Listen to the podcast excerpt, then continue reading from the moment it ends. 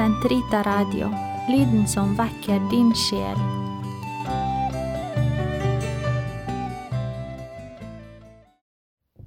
Lovet være Jesus Kristus, og velkommen til nok en katekese for konfirmanter og unge voksne. Forrige gang snakket vi om hva og hvem Gud er. Denne gangen skal vi ta for oss det Gud har skapt, skaperverket. Men før vi gjør det, må vi nok en gang snakke om tro og åpenbaring. I vår tid settes det et falskt skille mellom tro og fornuft, slik at man tvinges til å velge. Enten er man rasjonell, vitenskapelig og opptatt av å se verden slik den er, eller så er man overtroisk, sentimental og godtroende.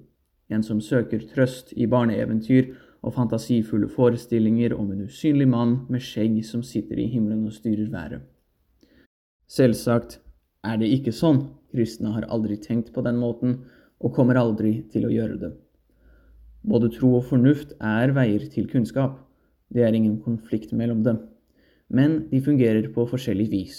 Med fornuft setter vi lit til oss selv, det vi selv ser, og det vi selv kan konkludere. Men ved tro setter vi lit til Gud og Hans åpenbaring. Sist kalte vi veiene til kunnskap for erfaring, deduksjon og autoritet, men vi ser at de første to, erfaring og deduksjon, faller under fornuften. Når fornuften går fra mange enkeltobservasjoner til et generelt prinsipp, er dette erfaring, jeg ser ting mange nok ganger til å vite at det bestandig er slik. Men når fornuften går fra et generelt prinsipp til et enkelttilfelle, kalles dette for deduksjon. Tro er liten til, vi setter til Guds autoritet. Begrepene har altså samme betydning som forrige gang. Så både tro og vitenskap, tro og fornuft, er veier til kunnskap, men de forteller oss ofte forskjellige ting. Gud behøver ikke å åpenbare naturvitenskapelige fakta, slik som jordens rotasjon rundt solen eller prinsippet om fotosyntese, fordi disse kan oppnås av oss gjennom erfaring og deduksjon. Derimot må Gud åpenbare ting vi selv ikke kan se eller tenke oss til, og som Han vil at vi skal vite, slik som hvordan vi frelses, hvem Gud er, engler, himmelen, helvete og skjærsilden. Likevel åpenbarer Gud mange ting vi selv kan tenke oss til, fordi vi ikke bestandig bruker vår forstand etter beste evne. At Gud finnes, at vi har en sjel, og de ti bud kan bevises ved fornuften alene. Men fordi det falne mennesket fornekter ukomfortable sannheter, besluttet Gud at han måtte åpenbare noen av dem for oss. Tro og fornuft er altså to forskjellige veier til kunnskap. Kunnskap er viten om sannheten, og se virkeligheten slik den er. Derfor kan ikke tro og fornuft motsi hverandre, de handler jo om den samme virkeligheten. Troens innhold går ikke og kan ikke gå imot fornuften, men den går forbi. Ikke mot, men forbi, fordi den omhandler ting vi ikke selv kan begripe ved fornuften. Det er likevel helt fornuftig å tro, for når man vet at det finnes en Gud, skaperen, ren sannhet og ren godhet, og dette kan vi vite ved fornuft.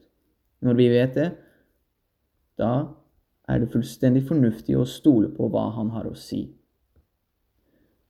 Nå kan vi omsider se på skapelsen i lys av åpenbaring. Vi leser fra de første versene i Bibelen, fra første Mosebok, og parallelt fra det første kapittel i Johannesevangeliet.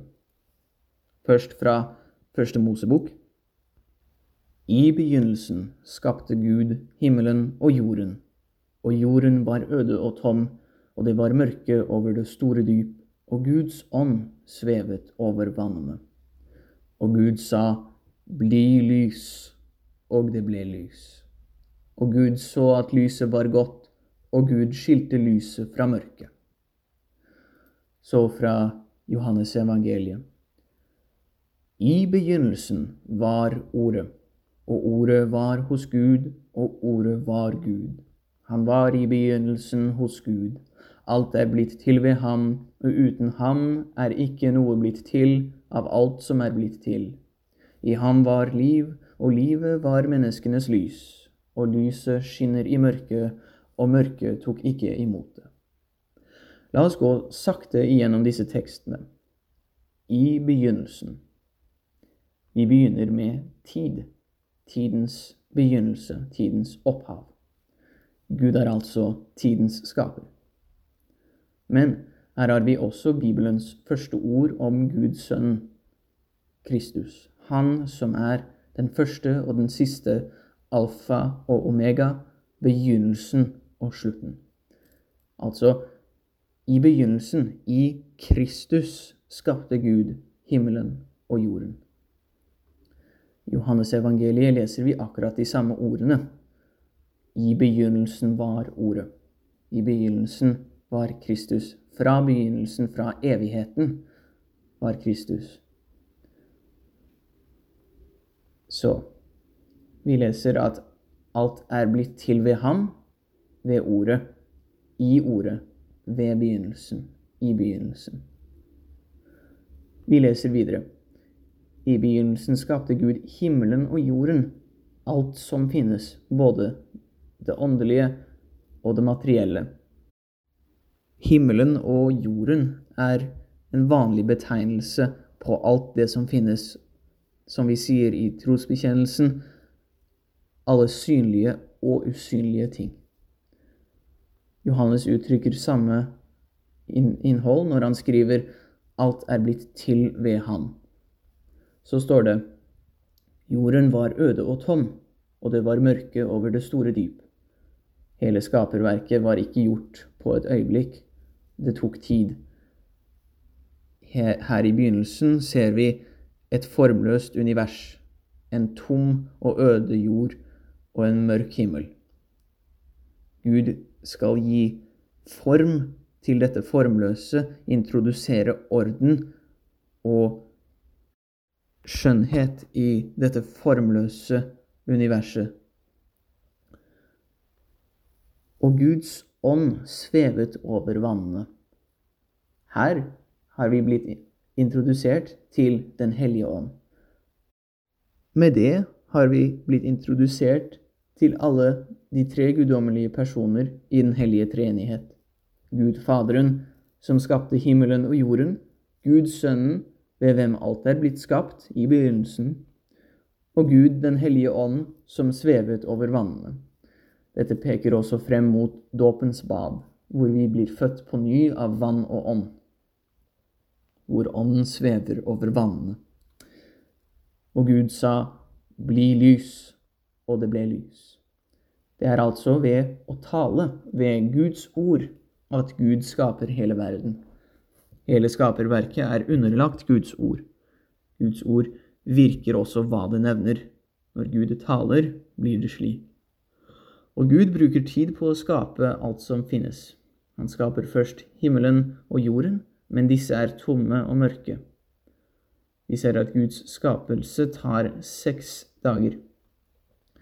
Det viktige her er ikke om dagene varte 24 timer eller ei. Dette har Kirken aldri uttalt seg definitivt om. Det viktige er rekkefølgen og hva Gud gjør på hver av dagene.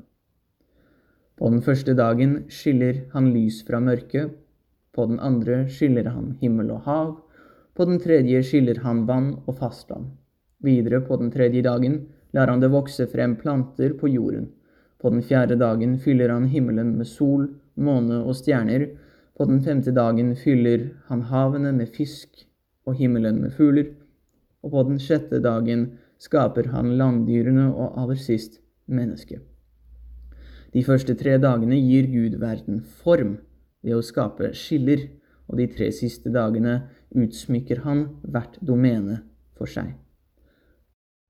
De tre første dagene kalles for adskillelsesverket, og de siste tre kalles for utsmykningsverket. Dagenes rekkefølge viser også at skaperverket er hierarkisk, hvor hierarkiet er basert på likhet med Gud. Gud er eksistensen selv og har ingen mangler. Jo færre mangler man har, jo færre egenskaper en ting mangler. Og det er som følge av hva tingen er, ikke som i talenter. Eh, jo færre egenskaper en ting mangler, jo likere Gud er den tingen. Det Gud har til det fulle i sitt vesen, er liv, kapasitet til selvbevegelse, selvbestemmelse.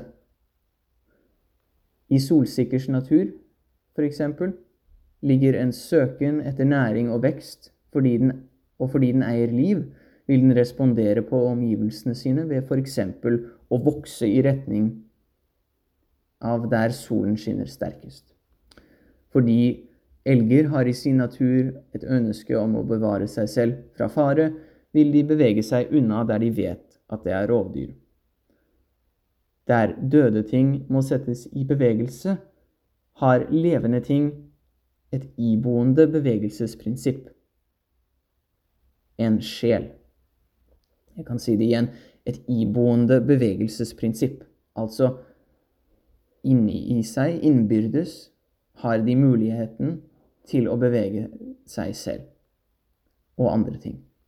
Vi ser at Guds skaperverk i løpet av dagene større, i større og større grad eier denne, dette iboende bevegelsesprinsippet. I større grad eier liv og kapasitet til handling.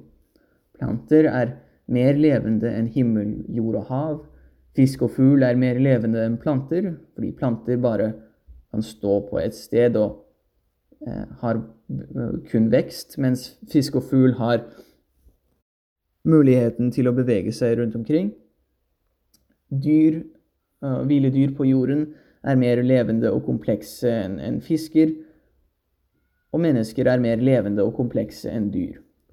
Menneskets sjel er forskjellig fra det man kaller for dyre- og plantesjeler. Dyre- og plantesjeler, altså de iboende bevegelsesprinsippene som planter og dyr har, kan kun respondere instinktivt på ting de sanser gjennom organene sine. Så når dyret eller planten dør, slutter sjelen å eksistere fordi sanseinntrykkene er borte. Menneskets sjel derimot er rasjonell, med mulighet til tanke og valg. Å tenke og å elske. Dette er lett å se fra menneskets egenskaper til å tenke og velge i tillegg til å respondere instinktivt. Det er dette som menes når det står og Gud skapte mennesket i sitt bilde. I Guds bilde skapte han det, til mann og kvinne skapte han dem. Merk at jeg enda ikke har nevnt skapelsen av englene. Engler er jo tross alt likere Gud enn mennesker, fordi de er ren ånd.